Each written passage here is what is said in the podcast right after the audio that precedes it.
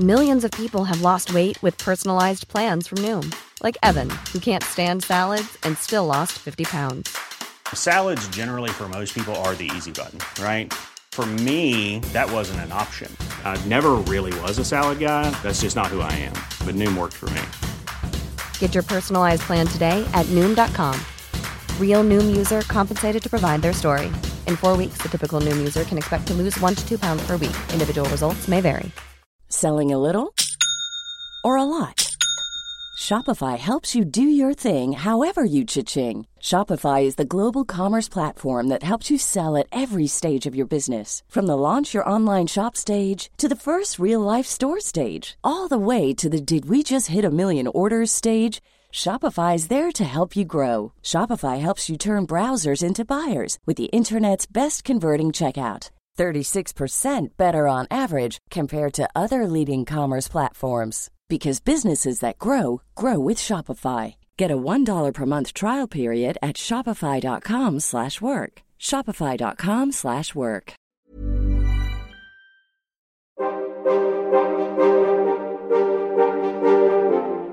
De oudheid is fascinerend. Een enorme puzzel waarvan we stukjes hebben. En heel veel stukjes ook niet. Al op de basisschool trokken de verhalen over het oude Egypte, de Romeinen, Griekse mythen, het oude China en het onderzoek naar al die oude culturen en mensen me als een magneet naar zich toe. En ik wil meer. Graag neem ik, Timo Epping, je in deze podcastserie mee op reis naar het verre verleden. Ik ga in gesprek met wetenschappers die ons in iedere aflevering een uurtje meenemen in hun eigen onderzoek, hun eigen zoektocht naar de oudheid. Het is tijd voor de oudheid.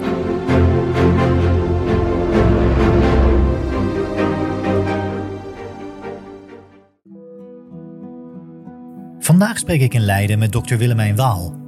Willemijn is universitair docent Hetitisch aan de Universiteit Leiden en directeur van het Nederlands Instituut voor het Nabije Oosten, ook wel het NINO genoemd. Willemijn, fijn dat je ons meeneemt naar de oudheid. Waar neem je ons tijdens deze aflevering mee naartoe?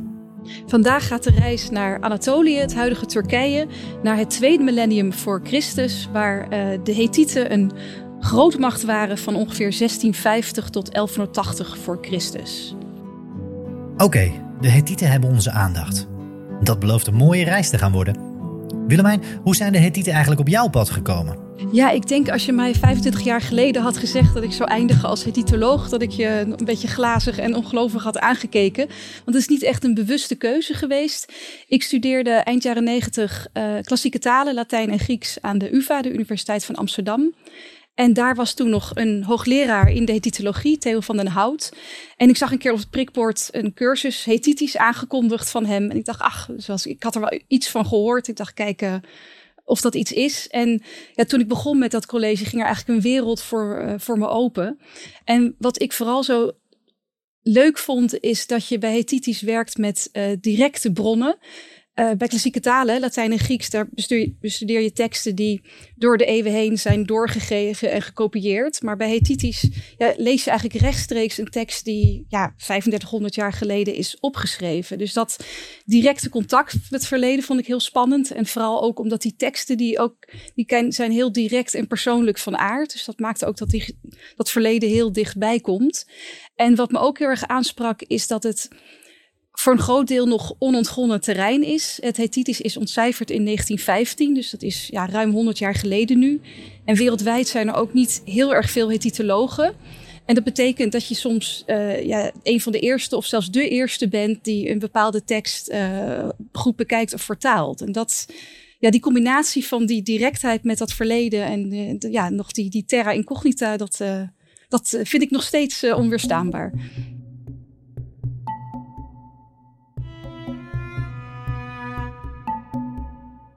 Terra incognita. Onbekend terrein dus. Willemijn noemde het fascinerend, dat directe contact met het verleden, de bronnen die we hebben om de Hethieten te bestuderen. Maar hoe zijn die bronnen eigenlijk bewaard gebleven en tot ons gekomen? En wat is er precies? Ja, het is, nou, de bronnen zijn er eigenlijk altijd geweest, maar het heeft even geduurd voordat wij ze konden vinden en uh, lezen. Want de Hethieten die um, schreven in spijkerschrift op uh, klei. Nou, het spijkerschrift dat is uh, al het eind vierde millennium voor Christus uh, uitgevonden. Of althans, dan vinden we de eerste teksten in uh, Mesopotamië. Dat waren de Sumeriërs die dat schrift voor het eerst gebruikten. En daarna is het door heel veel andere volken overgenomen. En een van die volken die ook dat schrift gebruikten waren dus de, de Hethieten. Die hebben dat geïmporteerd naar, naar Turkije. En die gebruikten dat. En het mooie is van dat spijkerschrift, dat werd dus geschreven op klei met een stylus die dan in de nog zachte klei werd gedrukt. Dat klei een heel duurzaam materiaal is. En het wordt zelfs nog uh, bestendiger uh, door, door vuur. En meestal gaan archieven ja, door brand en onder. En dan ja, perkament en papyrus en andere schriftmaterialen die zijn dan in principe voor eeuwig verloren. Maar klei wordt dan juist nog extra sterk. En dat betekent dat we ja, honderdduizenden uh, kleitabletten hebben over een heel groot gebied. Hè? Een heel groot deel van het huidige Midden-Oosten. Dus Iran, Irak, Syrië en dus ook Turkije, waar uh, die Hethieten dat spijkerschrift uh, gebruikten. En die kleitabletten die lagen dus eigenlijk al eeuwenlang in de grond. En die zijn in het geval van de Hethieten begin van de vorige eeuw voor het eerst ja, herontdekt. Her, is een beetje een ongemakkelijke term, want we zien natuurlijk dat in de 19e eeuw er vanuit Europa heel veel interesse kwam in ja, het huidige Midden-Oosten en dat daar opgraving begonnen. Maar die ruïnes waren natuurlijk bij de lokale bevolking al veel langer bekend. Hè? Dus natuurlijk net ontdekking wel een beetje met een, uh, een westerse blik. Toen in 1906 begonnen de opgravingen in, uh, op een site in de buurt van het dorpje Boaskeu. En dat is zo'n 200 kilometer ten oosten van Ankara, dus echt in het hartland van uh, Anatolië. En toen die opgave begonnen, had men geen idee eigenlijk welke stad dat was. En als vrij snel werden er kleitabletten gevonden. En die waren dus beschreven met dat spijkerschrift. En dat spijkerschrift, dat schrift was al ontcijferd in 1857. Alleen de taal die hierop stond was onbekend. Hè? Want dat spijkerschrift is net als het alfabet een schriftsysteem. En daar kun je in principe elke taal mee schrijven. Dus ze konden die teksten wel lezen, maar niet begrijpen. En toen de grote doorbraak kwam toen in 1915, toen heeft meneer Rosny uh, ja, die taal ontcijferd. En die kwam erachter dat het uh, de taal is die wij dan Hethitisch noemen. En tot eigenlijk ieders verrassing bleek dat een Indo-Europese taal te zijn. Uh, het Indo-Europese is de, ja, de grootste taalfamilie ter wereld, waar um, bijna alle talen van Europa bij horen. Dus ook het, het Nederlands, maar ook Engels en Frans en Duits, ook Latijn en Grieks en Sanskriet. En dat was best wel een schok in die tijd, dat uh, ineens ook een Indo-Europese taal op dat exotische spijkerschrift uh, geschreven stond. Hier wil ik graag twee elementen verder gaan verkennen. Aan de ene kant, en dat doen we straks, schriftsoorten en taal op de gevonden kleitabletten. Maar laten we eerst wat verder inzoomen op de opgraving zelf in 1906. Daar zit namelijk wat controverse. Toen die opgravingen begonnen uh, in 1906, toen werden ze al, vrij snel uh, heel veel kleitabletten gevonden. En die opgraving werd geleid door Hugo Winkler. Dat was een, um, een Duitse opgraver. En die Winkler was vooral heel erg geïnteresseerd in die kleitabletten en de inhoud. En iets minder in het precies noteren waar ze gevonden zijn. En dat is eigenlijk wel jammer, want dat betekent dat wij van de eerste 10.000 uh, teksten en fragmenten die gevonden zijn, we eigenlijk niet goed weten waar ze precies uh, vandaan komen. Het is gelukkig bij latere opgravingen is dat beter genoteerd. In totaal zitten we nu op ongeveer 30.000 uh, teksten en fragmenten. vooral fragmenten moet ik zeggen, want ik zei eerder dat klei is heel duurzaam. Maar het is natuurlijk niet uh, onaantastbaar en het kan nog wel eens in stukjes breken. En zoals een collega van mij zegt, vaak als het echt spannend of belangrijk wordt, dan breekt het af of is het beschadigd. Uh, dus we hebben zo'n 30.000 uh, fragmenten, die dus allemaal komen uit de paleisadministratie. En dat zijn dus voornamelijk religieuze teksten, maar ook historische teksten, annalen van koningen en verdragen en veel brieven ook. Uh, ook literaire teksten, bijvoorbeeld ook een uh, versie van het Gilgamesh-epos bijvoorbeeld, en ook andere literaire teksten. Dus het is een heel rijk archief, maar dus wel vooral van de, de paleiselite en niet van de gewone man.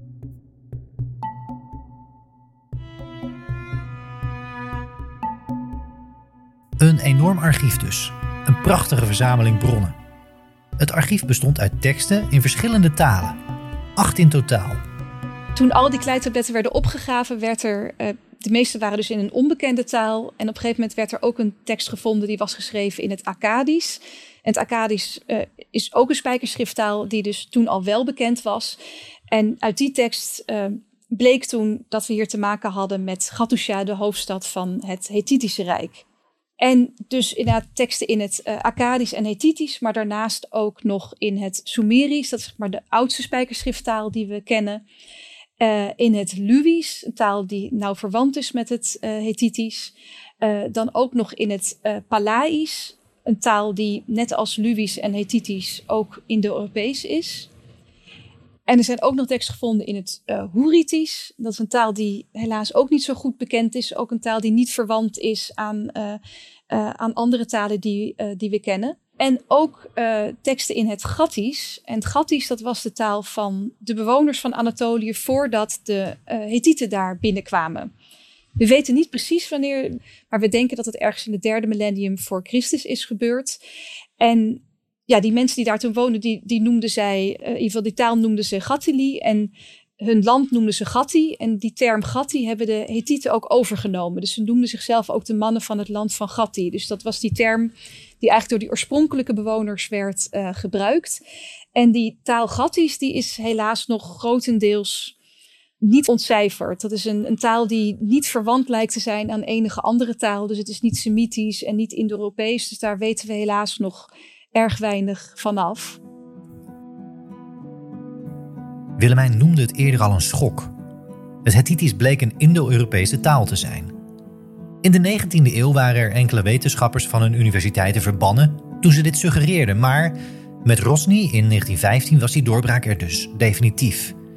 Het Hethitisch behoorde dus tot dezelfde taalfamilie als veel moderne Europese talen, waaronder het Nederlands. En dat maakt ook, dat die Hethitische teksten zo ja, soms bijna vertrouwd voorkomen eigenlijk. Dat Hethitisch, sommige woorden lijken gewoon heel erg op Nederlandse woorden. Bijvoorbeeld het woordje voor uh, water is water. Dat was eigenlijk ook de sleutel voor meneer Rosny om erachter te komen, hoe hij erachter kwam dat het ging om een Indo-Europese taal, dat hij dat woord uh, water uh, herkende. Maar bijvoorbeeld ook Neva is nieuw en Oek is ik. Dus het is, in sommige zin komt het heel vertrouwd voor. En wat het ook het interessante is, dat, dat Hethitisch is uh, de oudste teksten die we hebben, die dateren zo rond 1600 voor Christus.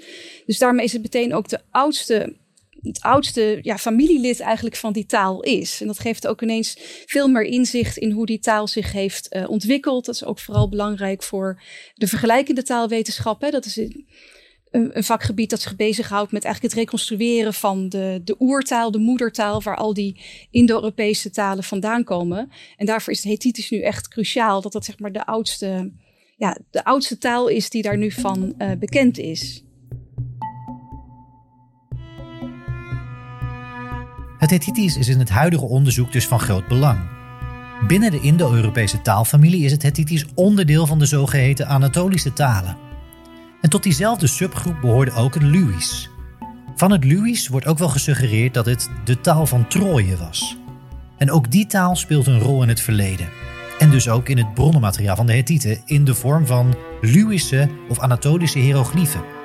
Naast Hethitisch is er ook Luwisch, zoals je zegt. En, maar die twee talen lijken heel erg op elkaar. Inderdaad, allebei Indo-Europees en ook heel duidelijk verwant met elkaar. We gaan ervan uit dat Hethitisch de taal was van, ja, van de paleiselite, van de koninklijke familie. En dat Luwisch meer de taal werd die werd gesproken door de gewone man uh, in die periode. Dus dat het eigenlijk best wijd verspreid was. Helemaal ook tot aan de westkust van Anatolië. Dus je zegt ook inderdaad de, de taal van Troje. Dat zou inderdaad heel goed kunnen. Dus dat Luwisch was uh, vrij uh, wijd verbreid. En dat werd dus niet geschreven in spijkerschrift, maar in, um, in hieroglyphenschrift. Het was een inheems hieroglyphenschrift dat niets te maken heeft met de Egyptische hieroglyphen. Dat wordt wel eens gedacht.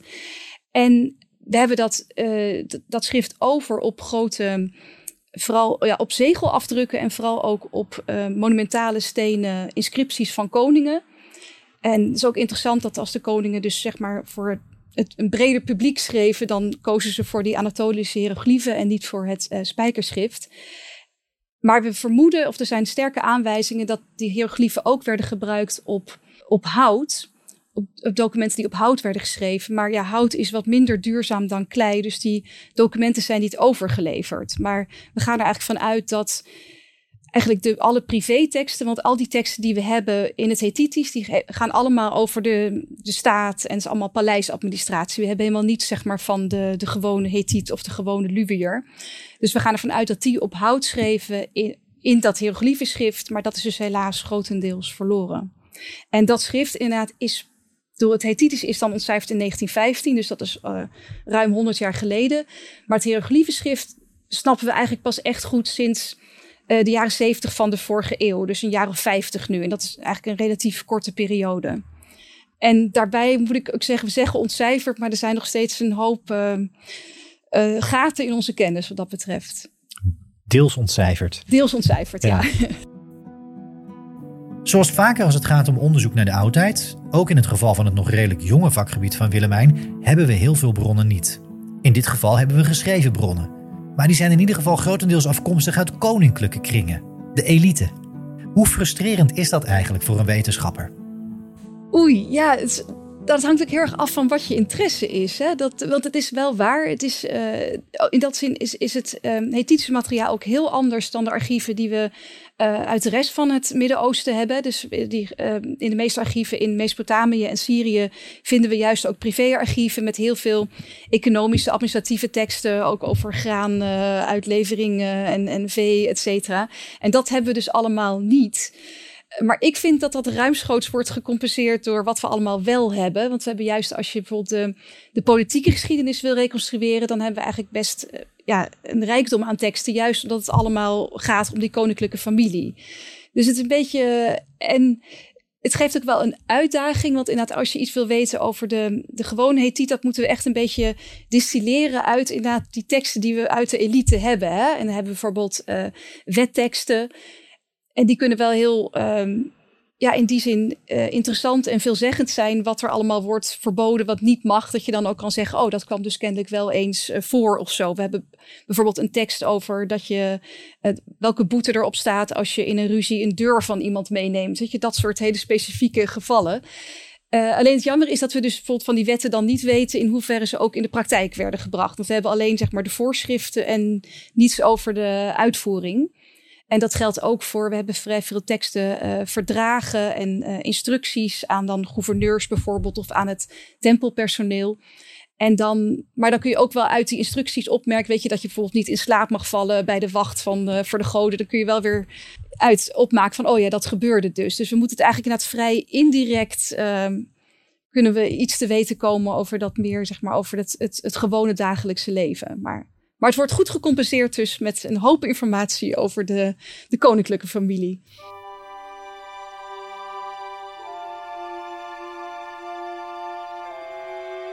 We hebben dus heel veel bronnen van koninklijke afkomst. Maar toch is er voor wetenschappers een probleem. Of in ieder geval een uitdaging. De precieze volgorde van koningen, periodes van hun regering. Regelmatig tast men daarover in het duister. Een chronologisch overzicht is natuurlijk erg fijn als je de geschiedenis van een rijk bestudeert. Maar wat maakt dat bij de Hethieten zo lastig? Nou, een van de uitdagingen is dat we niet echte koningslijsten hebben. We hebben wel offerlijsten, dus offers aan overleden koningen, maar die zijn niet altijd per se chronologisch en ook niet altijd compleet. En dat soms wel eens een koning uh, achteraf gezien niet helemaal offerwaardig werd uh, bevonden. En dat er vrij veel koningen zijn met dezelfde naam. Dat, dat, dat helpt ook niet echt. Uh, en daarbij uh, dateerden de teksten, eh, de Hethieten dateerden hun teksten niet. En dat is echt een verschil met, uh, met Mesopotamië, waar, waar dat vaak wel gebeurde. De Hethieten, ongetwijfeld moeten ze een dateringssysteem gehad hebben, maar dat vinden wij niet terug in de teksten. Ook bijvoorbeeld als we dan analen van koningen hebben, dan vertellen ze gewoon van nou, in het eerste jaar deed ik dit, dan het tweede jaar, dan het jaar daarop. Maar het wordt nooit nooit verder gedateerd. Dus dat maakt het echt wel uh, vrij uh, lastig. Dus we moeten het dan echt doen met um, paleografie. Dat wil zeggen de studie van uh, de spijkerschrifttekens. We zien in de loop van de 500 jaar dat, dat die tekens veranderen. Dus dan kun je soms wel zeggen van... hé, hey, dat is, dit moet een, een late tekst zijn en dit een vroege tekst. En ook de taal, die, die verandert heel duidelijk. Dus daar kunnen we ook um, duidelijke uh, ja, ontwikkelingen in zien. Dus dan kun je ook zeggen, nou, dat moet eerder of uh, later geweest zijn. Wat dan wel weer lastig is, dat we soms ook uh, latere kopieën hebben van, van oude teksten. Dus dan kun je soms een tekst hebben met heel archaïsch taalgebruik, maar dan wel in een modern schrift. Maar vooral die combinatie dus van niet echt een koningslijst en die, die vele dubbelnamen en dus ja, geen, geen dateringssysteem. Dat maakt het soms wel een uitdaging. En dat betekent ook nog wel eens dat er nog wel eens een koning bij komt of verdwijnt. Volgens mij is de laatste koning die erbij kwam, in, dat was volgens mij in de jaren 80 of 90 van de vorige eeuw. Uh, en inmiddels weten we eigenlijk ook bijvoorbeeld bij, uh, bij Gattushili, weten we nu vrijwel zeker dat Gattushili de tweede nooit heeft bestaan. Maar we zijn inmiddels wel zo gewend om dan Gattushili de derde zo aan te duiden dat we dat dan maar inlaten. Maar er zit wel, ja, we hebben dat betreft echt nog wel wat gaten en dat blijft nog, nog steeds wel een, een puzzel.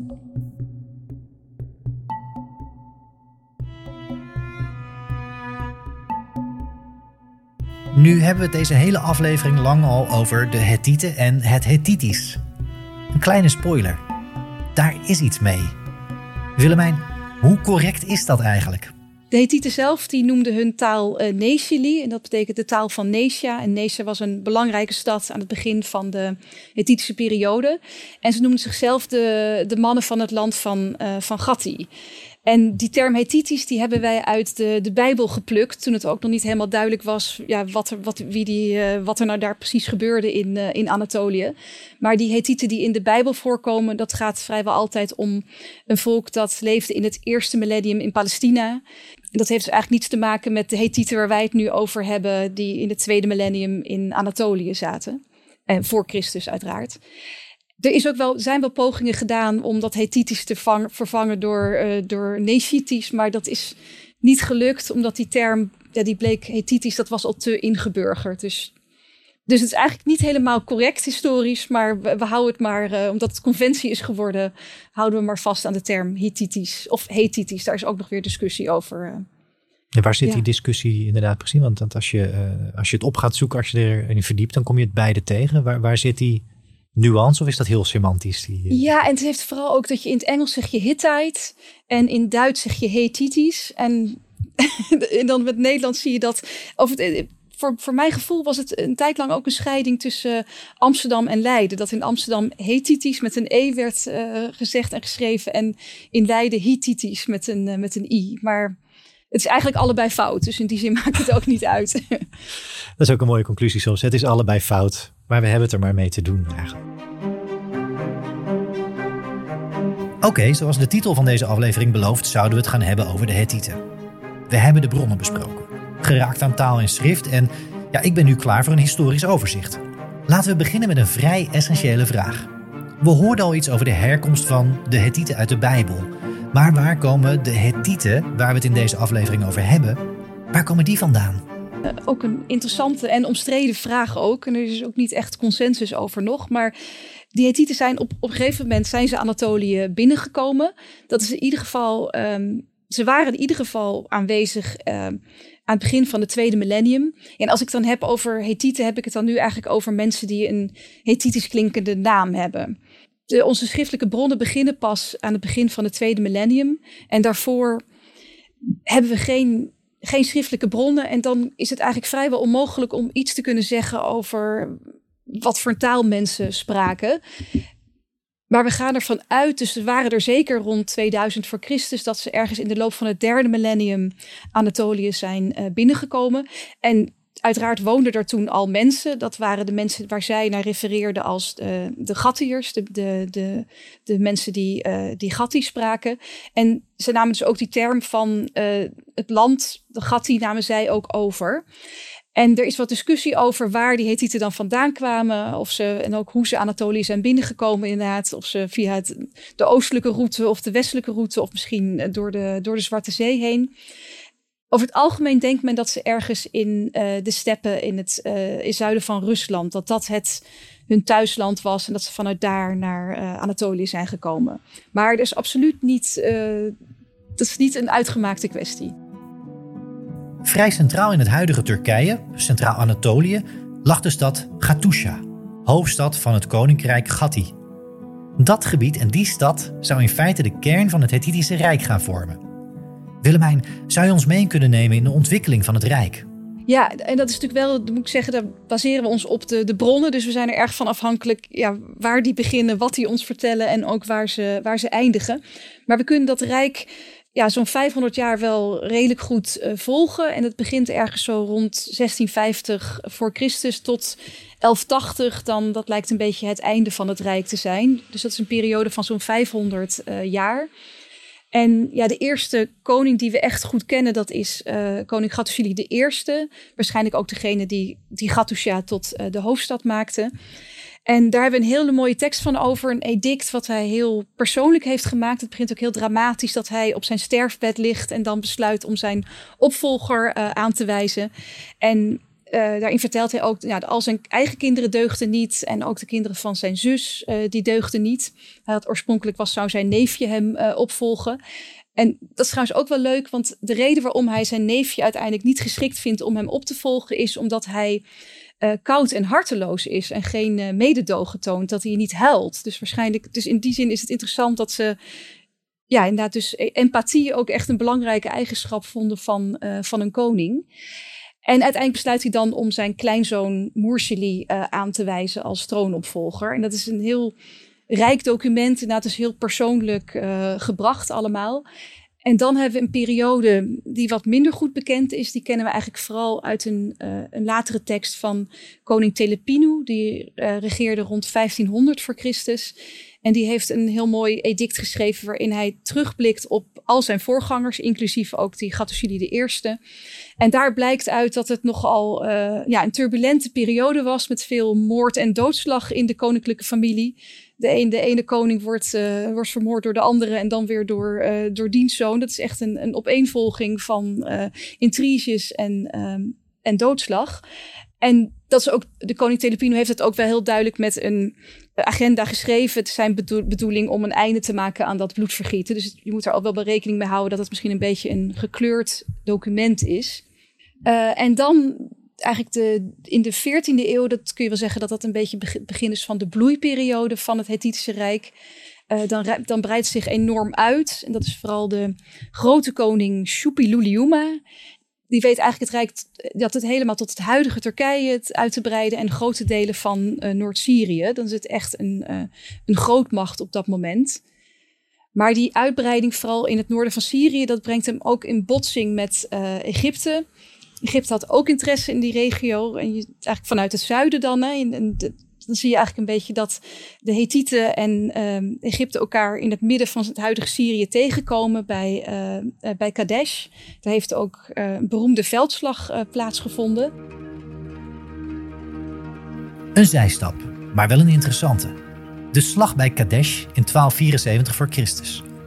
Daar botsten de Hethieten onder leiding van koning Muwatalli II met de Egyptenaren onder leiding van de beroemde koning Ramses II.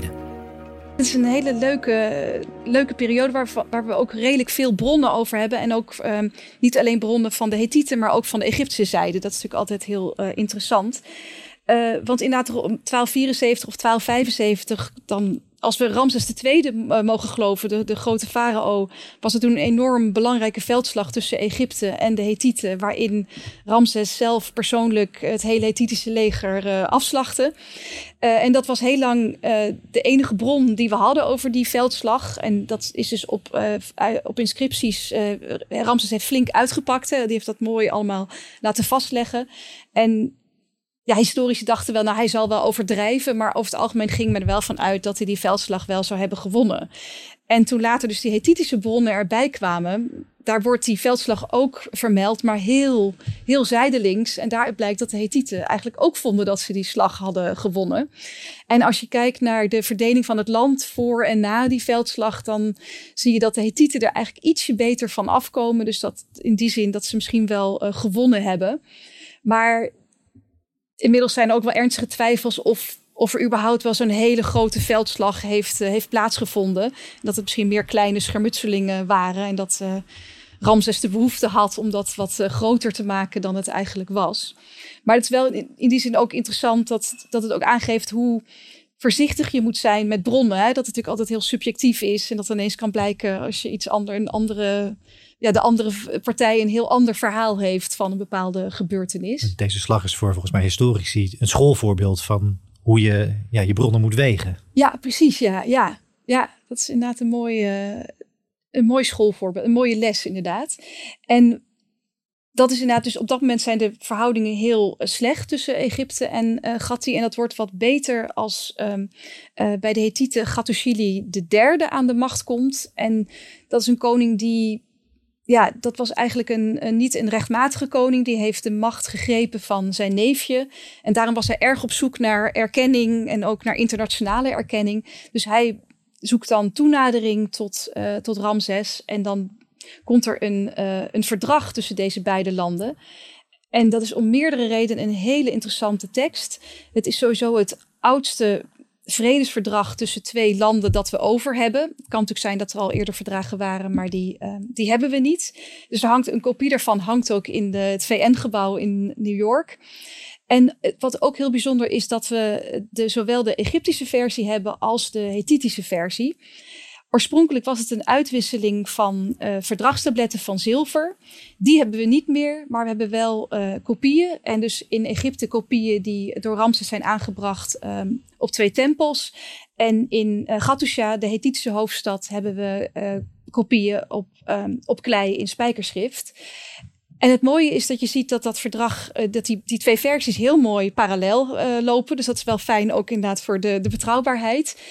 Uh, en het, is een, het was echt een uitwisseling uh, van, uh, van die verdragen. Dus wat we in Egypte vinden zijn de woorden van Gattushili, de Hethitische koning. En wat we in Gattusha vinden zijn de woorden van Ramses. En ja, inhoudelijk is het heel leuk om te zien dat die afspraken die ze maken eigenlijk heel modern aandoen. Ze beloven elkaar niet aan te vallen en elkaar te helpen als ze worden aangevallen door een, een andere grootmacht. En vluchtelingen uit te leveren. Uh, in die tijd waren vluchtelingen erg gewenst, omdat er tekort was aan uh, mankrachten. En ook mijn vijand is jouw vijand. Dus het in heel veel, er worden heel veel thema's besproken die je nu eigenlijk ook nog terugvindt in uh, verdragen van deze tijd. Dus in die zin is het een heel interessante tekst. En we hebben die zilveren tabletten niet meer. Maar we, we hebben wel in de jaren tachtig van de vorige eeuw is er een bronstablet gevonden in, in. Dat was een ander verdrag met een, een andere verdragspartner. Maar daarom weten we wel ook een beetje hoe dat zilververdrag er misschien heeft uitgezien. Ja, interessant. En begreep ik ook dat de, de versie of de nou, één toezegging die Ramses in ieder geval aan uh, Hattusili III moest doen, was dat ook zijn dynastieke lijn gewaarborgd werd. Klopt, ja. ja. En dat is ook de enige, de enige paragraaf eigenlijk waar ze de, de de, de twee versies niet, uh, niet gelijk lopen. Want steeds verder is het allemaal uh, helemaal hetzelfde.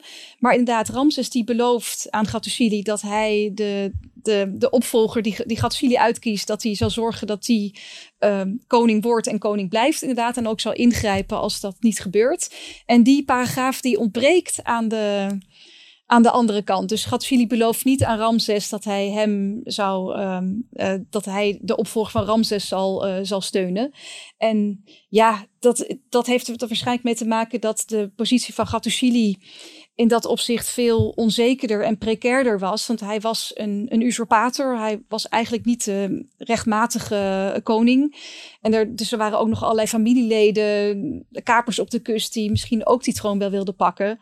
En bij Ramses lag dat heel anders. Ramses was onbetwist uh, de farao. En natuurlijk ook onsterfelijk. Dus het was überhaupt niet, uh, niet aan de hand. Via het verdrag tussen de Hethieten en de Egyptenaren komen we bij het onderwerp bestuur aan.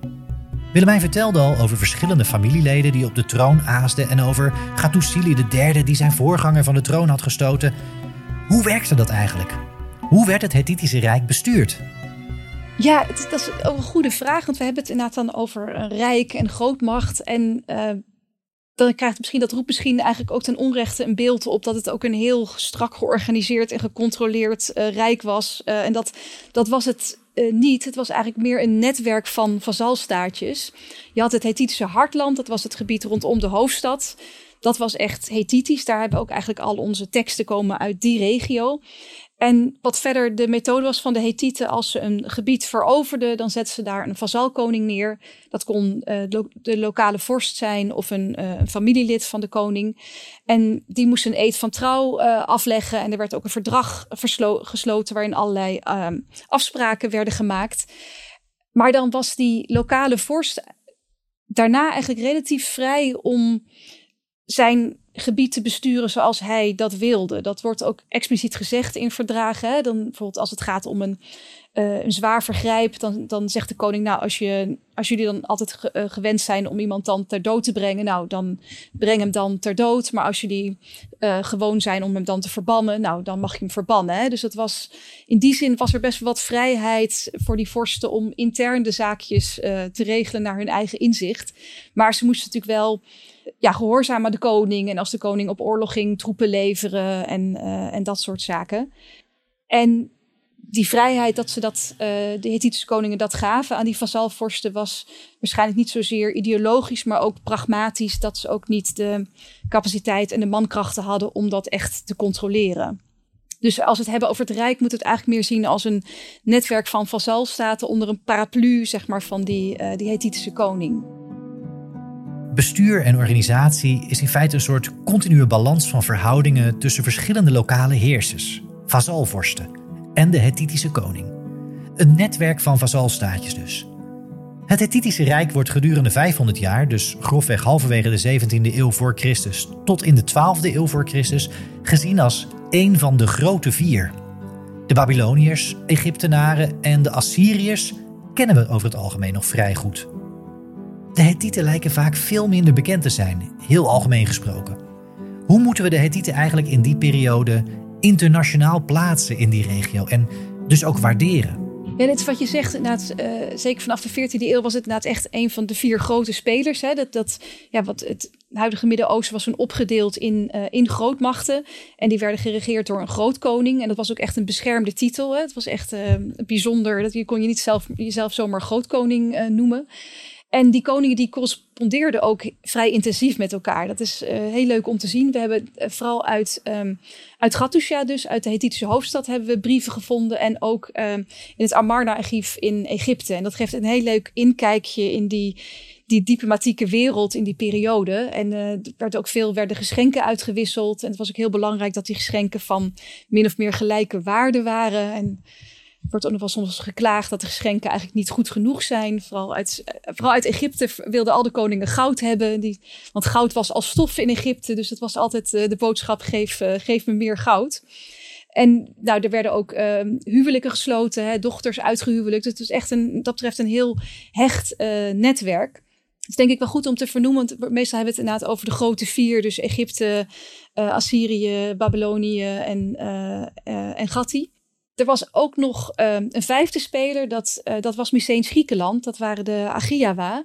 En we hebben ook correspondentie over tussen de Hethitische koning en de koning van Agiawa, van Myceens uh, Griekenland.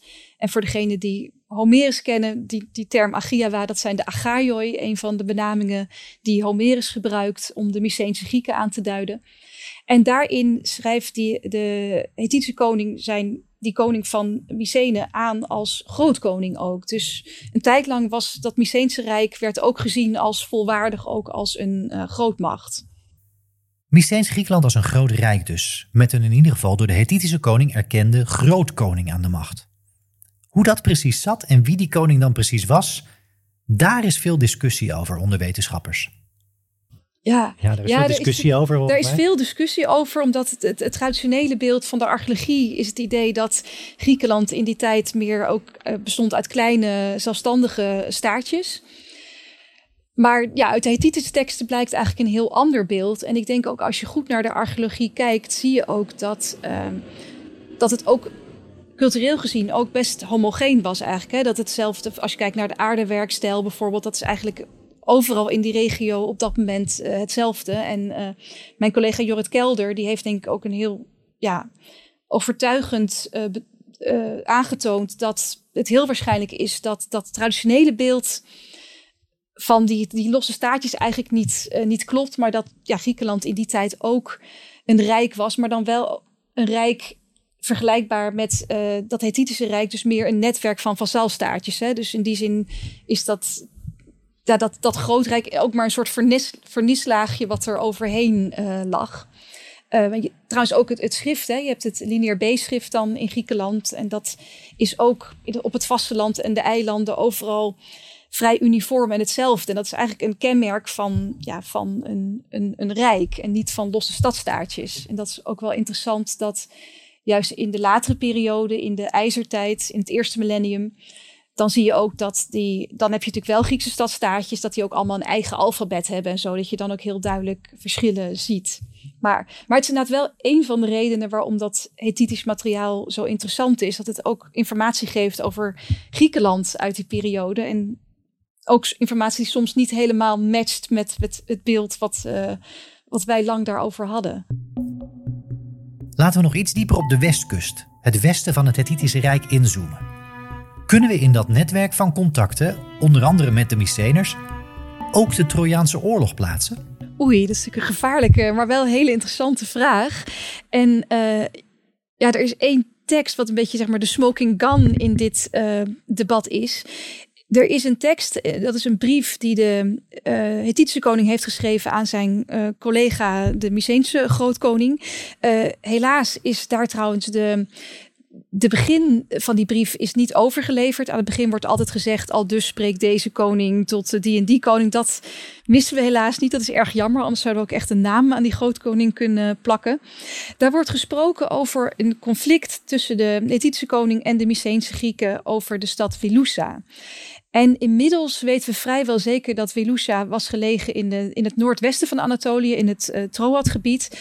En dat we die stad gelijk kunnen stellen aan het klassieke Troje. Want Troje had meerdere benamingen uh, door de eeuwen heen. En een van, een van de benamingen was Ilion, de accentief van Ilios. En vroeger was dat Wilios, er zat nog een soort een bouwklank voor. En Wilus zou daar dan een, ja, de, het equivalent van zijn in het uh. En dat is natuurlijk heel spannend dat er een conflict wordt genoemd waarin Myceense Grieken betrokken zijn, dat zich afspeelde ja, in de 12e eeuw voor Christus, waar ook natuurlijk doorgaans die Trojaanse oorlog wordt gesitueerd. Er is natuurlijk heel veel discussie over, nou, überhaupt of die heeft plaatsgevonden en zo ja, uh, wanneer. Maar het interessante is dat in de oudheid, de, de, de, Grieken, die zagen het gewoon als een historisch gebeurtenis en die plaatsten hem dan zo in die late bronstijd.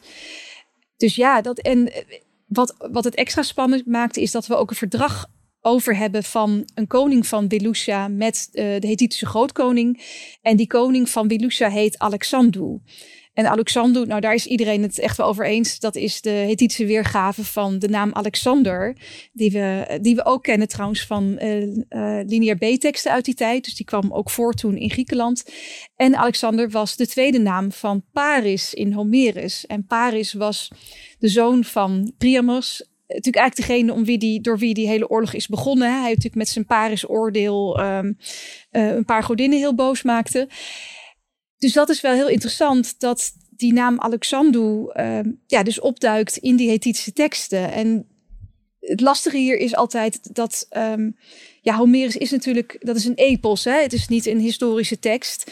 Maar we zien wel uh, heel vaak, en dat blijkt steeds meer en meer, dat aan de basis van heel veel mythes en legendes toch wel historische feiten ten grondslag liggen.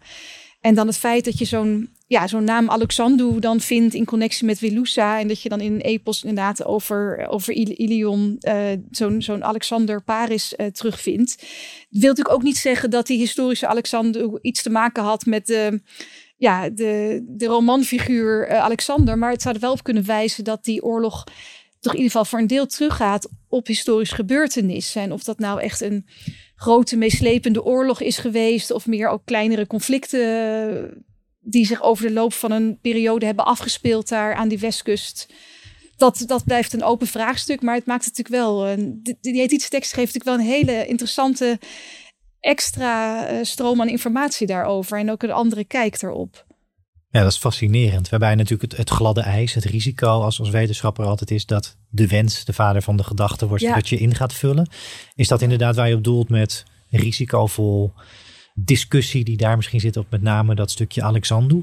Ja, nou, het is inderdaad wel interessant. Dat is natuurlijk absoluut waar, de wens en de vader van de gedachte. Maar het is soms ook wel opvallend dat, dat het nu zo beladen is dat er bijna ook um, nog veel strenger wordt gekeken naar uh, bepaald bewijs dan, dan we normaal hadden gedaan. Bijvoorbeeld die, die tablet die ik noemde, waarin die stad Wilusa wordt genoemd, dat die spijkerschrifttekens van uh, dat teken Lu zijn een klein beetje beschadigd.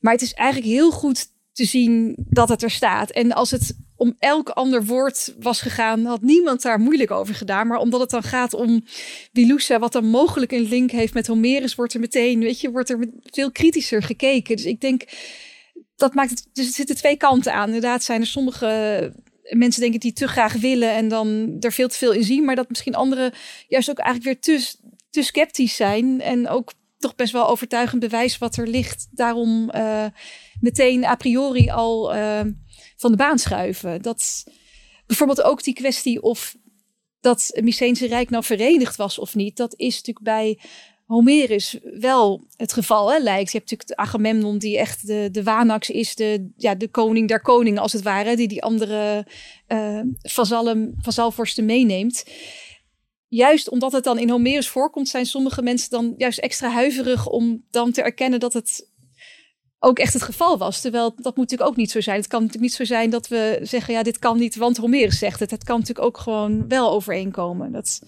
maar er zitten inderdaad twee kanten aan dit debat. En wat interessant is, en waar dus in de oudheid in dit geval werelden samenkomen, vriendschappelijk dan wel vijandig, komen hier dus in het heden eigenlijk wetenschappelijke disciplines bij elkaar of in elkaars vaarwater.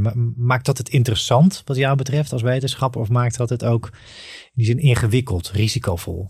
Ja, ik denk beide inderdaad. En dat, want ik vind dat ook wel grappig om te merken. En dat, nou, wat ik aan het begin zei, dat hetitie is natuurlijk een heel jong vakgebied. En dat betekent ook dat er nog heel weinig heilige huisjes zijn. Dat als je met een nieuw idee komt, dat dat nou niet altijd meteen wordt omarmd, maar op zich dat men nog een redelijk open blik heeft. Terwijl de, de, de klassieke, en dat is natuurlijk ook het mooie eraan, hè, die, die eeuwenlange traditie. Maar dan merk je wel, als, je, als er ineens iets, als je iets nieuws zegt over Homerus of over de Trojaanse oorlog, dat dat op veel en veel meer weerstand uh, stuit. Dat is dat, ja, daar ben ik zelf ook wel eens mijn neus uh, bij gestoten. En aan de ene kant is het natuurlijk mooi, die traditie, maar het moet natuurlijk voorkomen dat inderdaad nieuwe ideeën niet meer een weg vinden. En je merkt ook nog steeds, want je zegt inderdaad, de komen, disciplines komen elkaar tegen. En gelukkig is het ook steeds meer het geval dat het ethische bewijs wordt meegenomen in deze discussie. Maar dat was heel lang niet zo. Wat dat betreft hebben we natuurlijk een enorme achterstand. Want die, die teksten zijn natuurlijk ja, eigenlijk nog maar, uh, nog maar 100 jaar bekend. En die moeten eigenlijk in een debat worden gestopt wat al veel langer gaande is. Dus dat, en wat mij betreft zou dat nog steeds ook wel, zijn er nog wel stappen te maken dat dat ethische materiaal ook echt echt als volwaardig wordt meegenomen in deze discussie. En dat, dat mist soms nog een beetje. We hebben nu gekeken naar het Westen de westelijke kant van het Hethitische Rijk en het contact daar met de Myceense Grieken. Bij het voorbereiden van deze aflevering van de podcast kreeg ik echter het idee dat de blik van de Hethitische koningen vooral op het oosten gericht was. Willemijn, Klopt dat gevoel? Nee, ja en nee. Het is absoluut zo dat uh, als je kijkt naar dat, inderdaad, het, het grotere plaatje met die grootmachten, dat dan eigenlijk Syrië een beetje het strijdtoneel was. Hè? Dat daar inderdaad Egypte en, uh, en Gatti vochten om, om invloedssfeer. En uh, dat we daar, daar ook sowieso ook veel meer informatie over hebben. En het noorden maar, wellicht ook. De Casca? De Casca, ja. ja. oh, de Casca. Dat, ja. dat was een, uh, een, een volk dat in het, uh, ten noorden van de Hethitische hoofdstad. Die zaten daar ergens in het Pontusgebied in de bergen. En daar weten we heel weinig over, omdat die geen tekst hebben nagelaten. Dus we hebben alleen de, de blik van de, de Hethieten. En die waren, dat is niet een hele per se een positieve kijk, omdat zij nogal last hadden van die Karska, omdat die regelmatig uh, kennelijk ja, plunderingsacties uitvoerden vanaf de bergen en dan inderdaad oogst uh, meenamen en, en, uh, en dingen in brand staken en dan weer zich terugtrokken in die bergen. Dus die, die Hethieten kregen daar ook heel slecht grip op. Dat is een duidelijk een, um, een continue bron van zorg. En een andere bron van zorg is ook dat, dat westen van Anatolië dat je noemt. wat je daar ziet is dat ze daar nooit echt goed ferm de controle over konden krijgen. Inderdaad, ze hadden daar inderdaad dan wel vazalstaten, maar daar is continu gerommel en vazalkoningen die in opstand komen. En dat zie je ook in die verdragen die we gevonden hebben. Die gaan ook heel uitgebreid in op dat ook de vazalvorst uh, de plicht heeft om een samenzwering te melden. En dat gaat heel uitgebreid daarop in. En, dat, en, en we, zien, we zien ook dat daar continu onrust was.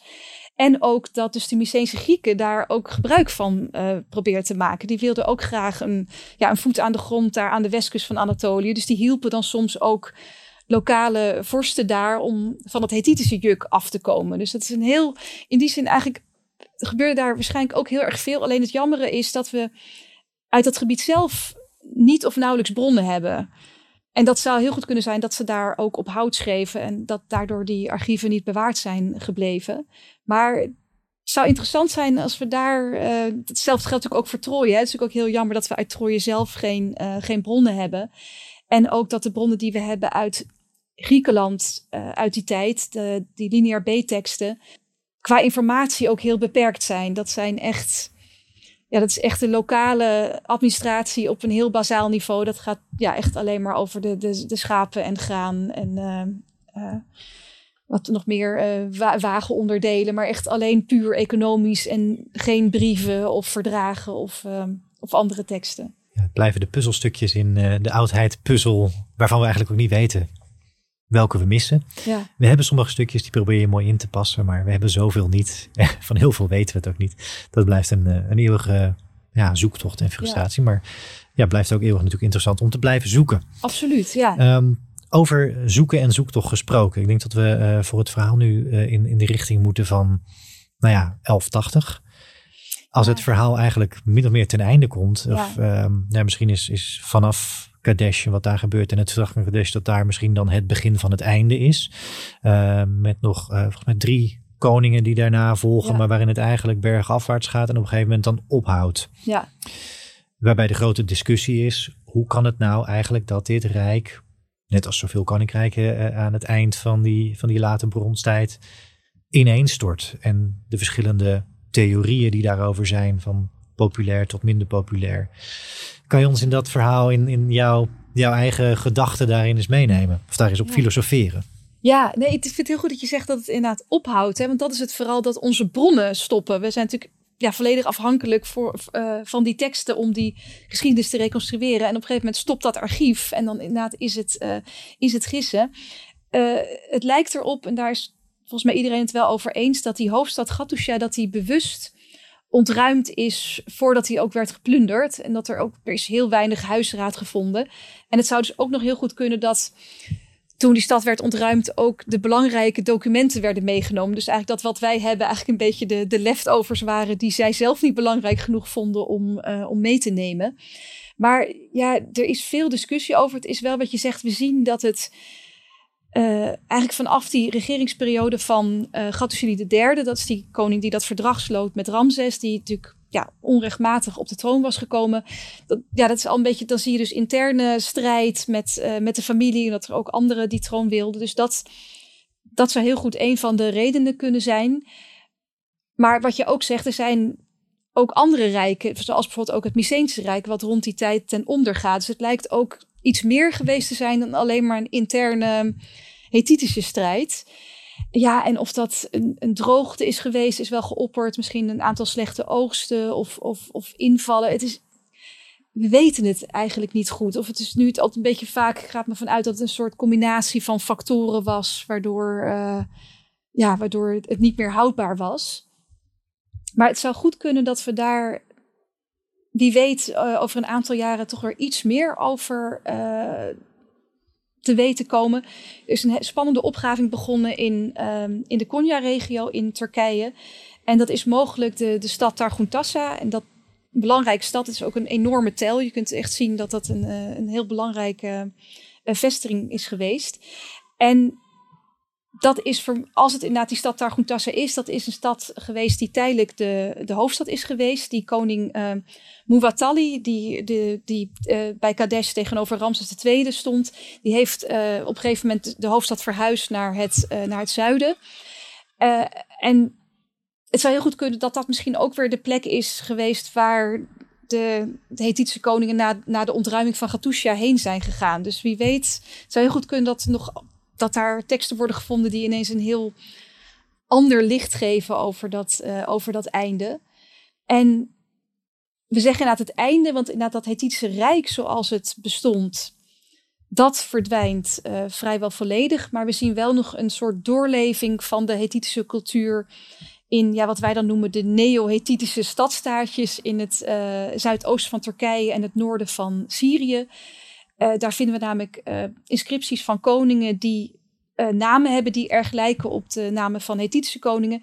En belangrijk gebruik maken van het Anatolische hieroglyphenschrift. Dus we zien daar nog wel een soort van continuïteit van, ja, van dat Hethitische Rijk, maar dan wel op veel kleinere schaal. Het einde aan de ene kant, maar dus ook op kleinere schaal continuïteit in een hoekje van het oorspronkelijke rijk. Maar hoe zijn de Hethieten nu eigenlijk de geschiedenis ingegaan? We spraken eerder al kort over de Grote Vier, waarbij de Hethieten in ons collectieve geheugen eigenlijk vrij onbekend zijn. Hoe komt dat eigenlijk? Nou, het heeft, het heeft natuurlijk wel sporen nagelaten, maar minder duidelijk dan bijvoorbeeld uh, de Egyptische piramide. Hè, daar kun je niet echt omheen. En vooral ook dat het Hethitische Rijk niet wordt genoemd bij uh, latere klassieke auteurs. Als je bijvoorbeeld denkt aan de Griekse auteur Herodotus, die heeft het over Egypte en over Babylon. En niet over de Hethieten. Dus ik denk dat dat een van de redenen is waardoor, uh, ja, waardoor ze veel minder bekend zijn inderdaad dan, dan Egypte en uh, het Assyrische Rijk. Dus minder duidelijke, tastbare nalatenschap. En ook dat het, die traditie niet is opgepakt in, in de latere klassieke bronnen.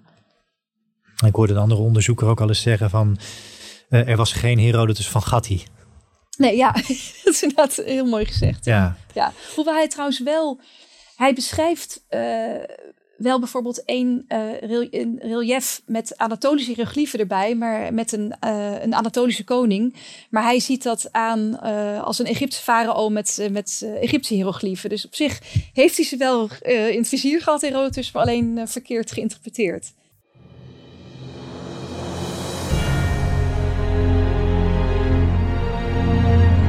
Dank je voor het luisteren naar De Oudheid, de podcast over het verre verleden. En wil je meer oudheid? Vergeet dan niet om de podcast te volgen daar waar jij podcast luistert. Iedere nieuwe aflevering verschijnt dan automatisch in je feed. Likes en reviews worden uiteraard gewaardeerd en vergeet vooral ook niet om de podcast met iedereen die jouw interesse deelt te delen. Heb je ideeën of suggesties voor de podcast? Mail dan naar info@eppingproductions.nl.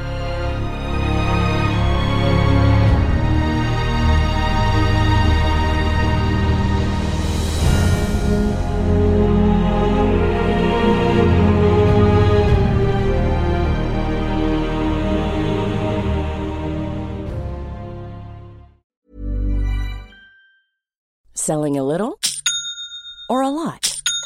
Shopify helps you do your thing however you cha-ching. Shopify is the global commerce platform that helps you sell at every stage of your business. From the launch your online shop stage to the first real life store stage, all the way to the did we just hit a million orders stage.